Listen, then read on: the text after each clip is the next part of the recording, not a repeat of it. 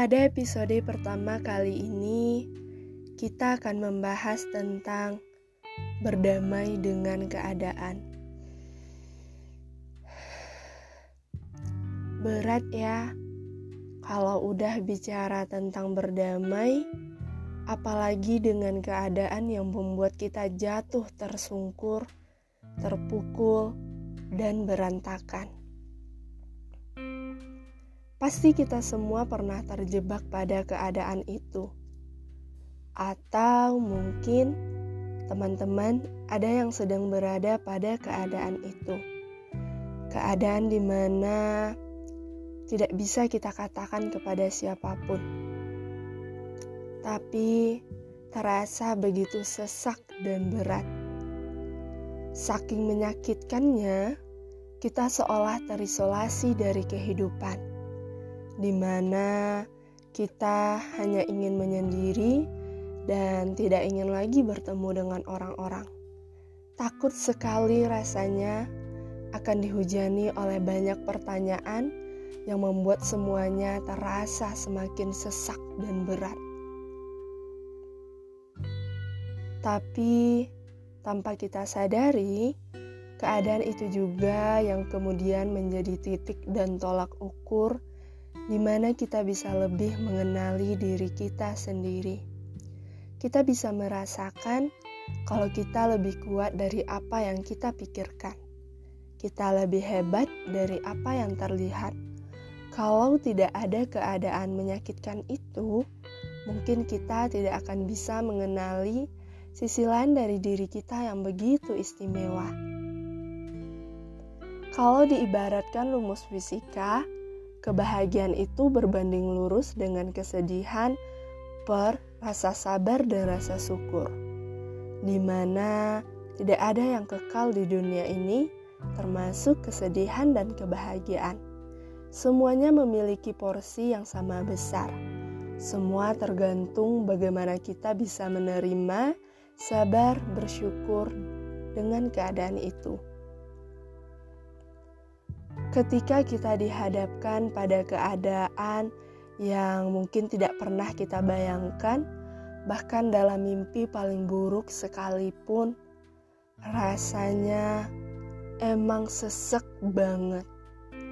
Ketika kesedihan, kekecewaan, rasa sakit mulai menyapa, kita seolah ditempatkan pada sebuah kotak yang begitu pengap kedap udara. Tidak ada yang terdengar kecuali tangisan kita. Gak ada cahaya, sendirian, kesepian, kesakitan.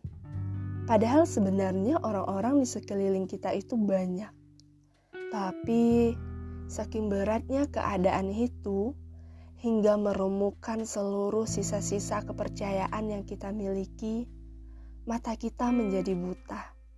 Kita tidak lagi bisa melihat orang-orang di sekitar kita. Padahal sebenarnya banyak orang yang ingin merentangkan tangannya untuk memeluk kita erat-erat. Tapi gak apa-apa. Sekali lagi gak apa-apa. It's okay. Terkadang kesedihan memang harus dinikmati sendirian kekecewaan harus ditelan seorang diri. Karena ketika kita sudah mulai menerima keadaan itu, ketika kita sudah terbiasa dengan kehadirannya, maka ketika itulah kita bisa mulai berdamai. Benar apa yang dikatakan oleh banyak orang yang kemudian ditulis di banyak buku, kalau obat dari segala kesedihan dan kekecewaan hanya waktu. Karena bagaimanapun kita menolak keadaan yang tidak menyenangkan itu, kita tidak punya pilihan lain selain menerima. Dan waktu akan menuntun kita pada penerimaan itu. Ada satu terjemahan Al-Quran yang aku suka banget. Relate banget lah sama keadaan aku di saat itu Artinya kurang lebih, mungkin kita menyukai sesuatu, padahal itu amat buruk bagi kita. Dan ketika kita sangat membenci sesuatu, padahal itu amat baik bagi kita.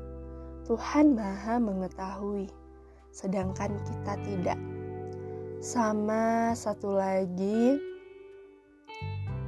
juga terjemahan Al-Quran yang yang kemudian membuat aku jadi kuat yaitu la haula wala quwata illa billah yang memiliki arti kurang lebih tiada daya dan upaya melainkan kehendak Allah.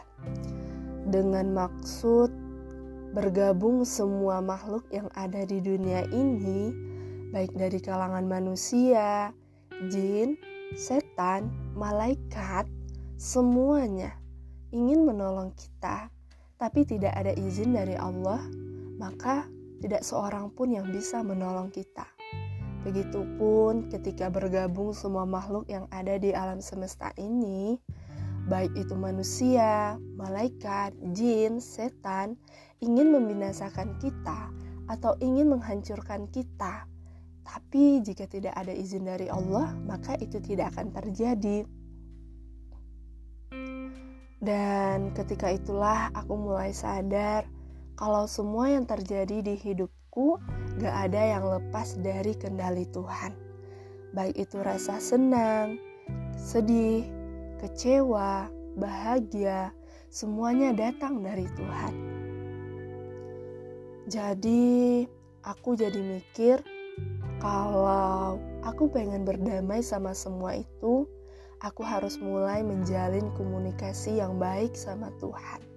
Supaya apa? supaya aku jadi lebih tenang. Baik itu di dalam keadaan senang, sedih, kecewa, dan sebagainya. Karena kalau dipikir-pikir lagi, di dunia ini gak ada yang lebih baik dari Tuhan. Tuhan gak mungkin ngasih sesuatu kalau gak ada alasan. Dan itu pasti sesuatu yang baik, walau kadang wujudnya emang menyakitkan. Nah, aku juga mau cerita sedikit nih sama teman-teman.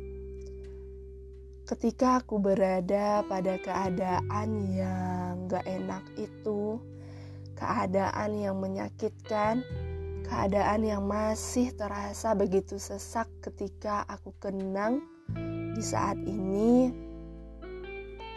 aku memiliki satu kebiasaan di mana kebiasaan itu aku lakukan setiap hari sampai akhirnya aku bisa tenang. Kebiasaan itu adalah aku suka banget mandang langit. Setiap hari aku memandang langit. Baik itu langit yang biru, langit yang berawan, langit atau langit yang abu-abu. Karena ketika aku mandang langit, aku jadi mikir kayak gini. Langit ini gak memiliki batas. Luas sekali. Belum lagi bumi yang begitu besar, planet yang banyak, dan alam semesta yang tidak terukur. Dan semuanya berada dalam kendali Tuhan. Memang benar, masalahku itu besar, rumit, tidak bisa diceritakan kepada siapa-siapa. Tapi kalau dipikir-pikir lagi, bukankah aku memiliki Tuhan? Bukankah Tuhan lebih besar dari segala sesuatu? Jadi aku kayak bisa berdialog sama Tuhan sambil bilang kayak gini ke Tuhan. Tuhan, aku tahu jika masalahku gak ada apa-apanya di hadapanmu. Dan aku percaya jika engkau maha baik, engkau maha bijaksana. Jadi tolong aku untuk menyelesaikan masalah ini. Tolong aku agar bisa menerima masalah ini. Mungkin terdengar sangat lucu, Tapi kalau boleh jujur, Dengan begitu, kepercayaan mulai tumbuh di dalam diriku. Dan seiring berjalannya waktu, walaupun emang butuh sedikit, bukan sedikit, tapi butuh banyak waktu dan gak sebentar, setiap pertanyaan dari permasalahan itu mulai menemukan jawabannya. Jadi teman-teman bisa boleh nyoba kalau ingin berdamai sama keadaan sulit yang kadang teman-teman harus menyimpannya sendirian. Kita bisa menceritakan ke langit, kita bisa menceritakan ke Tuhan walaupun rasanya kita bukan seseorang yang begitu mematuhi Tuhan, tapi Tuhan Maha Baik. Jadi, intinya di setiap kesedihan, kegagalan, kekecewaan, kita nggak harus cepat-cepat move on dari rasa itu. Kita perlu juga berkenalan dengan rasa itu kita perlu menikmati rasa itu. Kita perlu memeluknya, walaupun emang terasa sangat sakit, walaupun rasanya nggak enak, walaupun rasanya sesak. Jadi, untuk teman-teman yang ingin menangis, menangislah. Menangislah di sudut paling sepi, di sudut tempat teman-teman menjadi apa adanya hargai air mata itu, supaya kita bisa lebih kuat lagi, supaya kita bisa lebih percaya diri.